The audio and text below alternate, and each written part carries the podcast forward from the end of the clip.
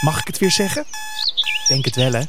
Een hele goede morgen. Het is vandaag maandag 19 augustus 2019. Mijn naam is Carne van der Brink en dit is de Nu.nl Dit Wordt Het Nieuws podcast. Ja, we waren even vier weken weg. We zaten in de middag op de voorpagina van nu.nl.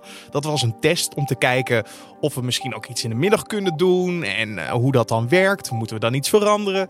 Nou, die test hebben we uitgevoerd. We gaan er nog lang over praten wat beviel en wat niet beviel. Dat komt allemaal nog. Maar we zijn weer terug gewoon op het vaste honk. En dat is in de ochtend. Ik uh, ga je gewoon weer bijpraten over wat voor dag het vandaag gaat worden.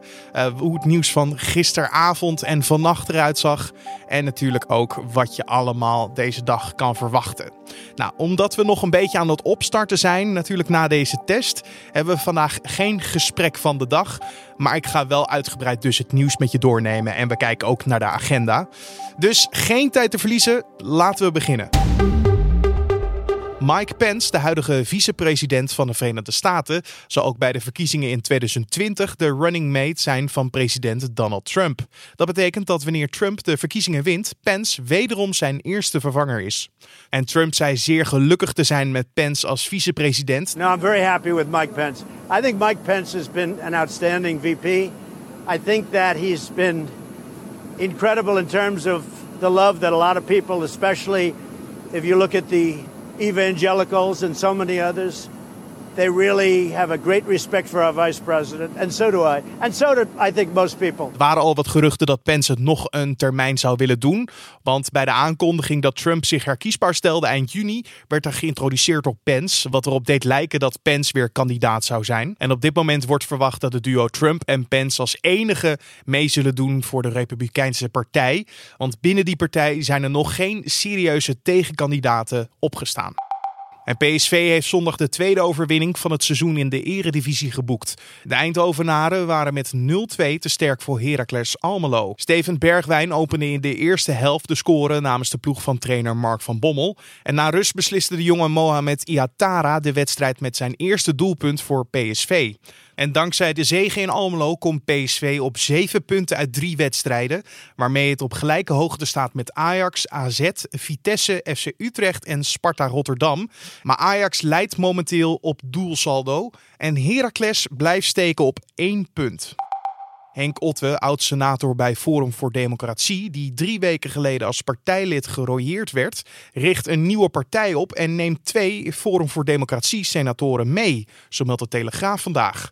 Volgens de krant zou Jeroen de Vries en Dorien Rookmaker zich aansluiten bij Otte. Rookmaker en de Vries zetten zich eerder nog in voor een poging om de relatie tussen Thierry Baudet en Otte te herstellen.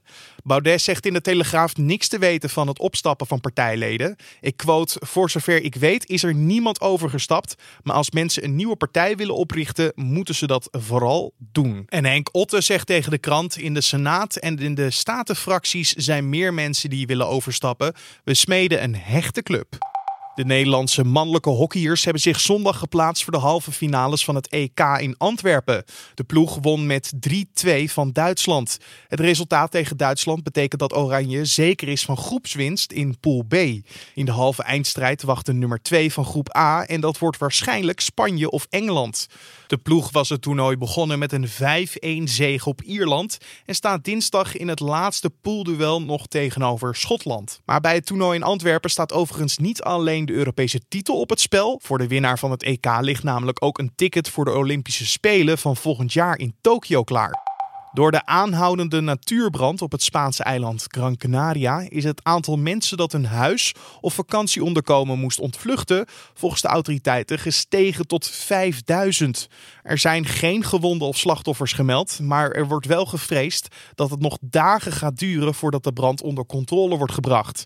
Meer dan 600 brandweerlieden en 14 blusvliegtuigen zijn bezig het vuur te bestrijden, maar het werk wordt moeilijk door droge en warme weer plus een harde wind.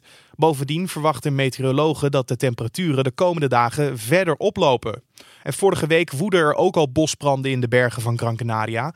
Toen werden ongeveer duizend mensen geëvacueerd. En het gevarengebied is erg populair onder toeristen. En dan kijken we naar de agenda van vandaag. Oftewel, dit wordt het nieuws. Voor kinderen in Limburg, Zeeland, vrijwel heel Noord-Brabant en delen van Gelderland begint het nieuwe schooljaar vandaag. Het is nog wel even spannend, want door het lerarentekort kampten sommige basisscholen halverwege de zomervakantie nog steeds met vacatures. Overigens zijn basisscholieren niet de enige voor wie het normale leven weer begint. Studenten in Rotterdam, Maastricht, Tilburg en Eindhoven trappen ook af met hun introductieweek.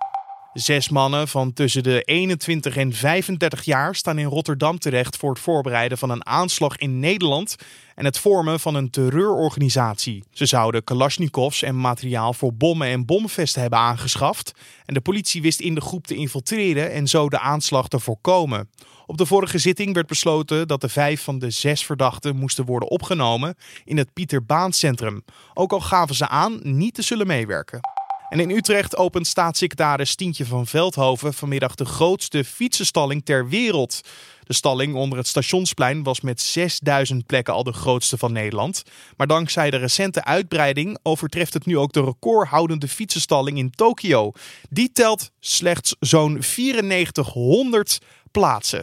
En de Nederlandse hockeyvrouwen spelen om 6 uur hun tweede EK-groepswedstrijd. Dat doen ze tegen Spanje. En afgelopen zaterdag slaagde Oranje er niet in om met een overwinning te beginnen aan het toernooi in Antwerpen. Gastland België hield de score op een 1-1. En woensdag staat de laatste groepswedstrijd op het programma. Die is tegen Rusland. En dan kijken we nog even naar het weer. Vandaag schijnt de zon van tijd tot tijd, maar verspreid kan er ook nog een bui vallen. In de middag wordt het een graad of 20. De wind is matig tot krachtig langs de kust en waait uit een zuidwestelijke richting. En in de avond wordt het op de meeste plaatsen droog. En om af te sluiten nog even dit.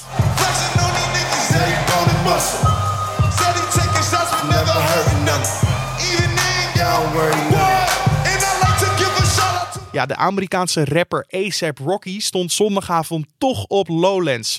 Lange tijd was het onzeker of de veelbesproken rapper die afgelopen week in Zweden werd veroordeeld wegens mishandeling naar Biddinghuizen zou komen. Maar hij beklom zondagavond toch het podium van Lowlands. En het festival was heel blij met zijn komst, want op Twitter hadden ze bijvoorbeeld geplaatst Praise the Lord, he's here. En ik heb het grootste deel van de zomer op een plek gezeten waar ik niet wilde zijn. Dus ik ben blij dat ik hier ben. Dat zei ASAP Rocky tegen het publiek.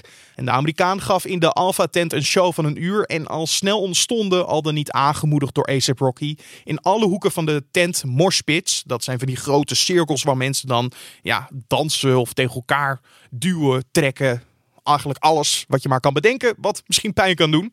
Nou, de rapper verzamelde ondertussen BH's van fans op het publiek. Het ging echt helemaal los.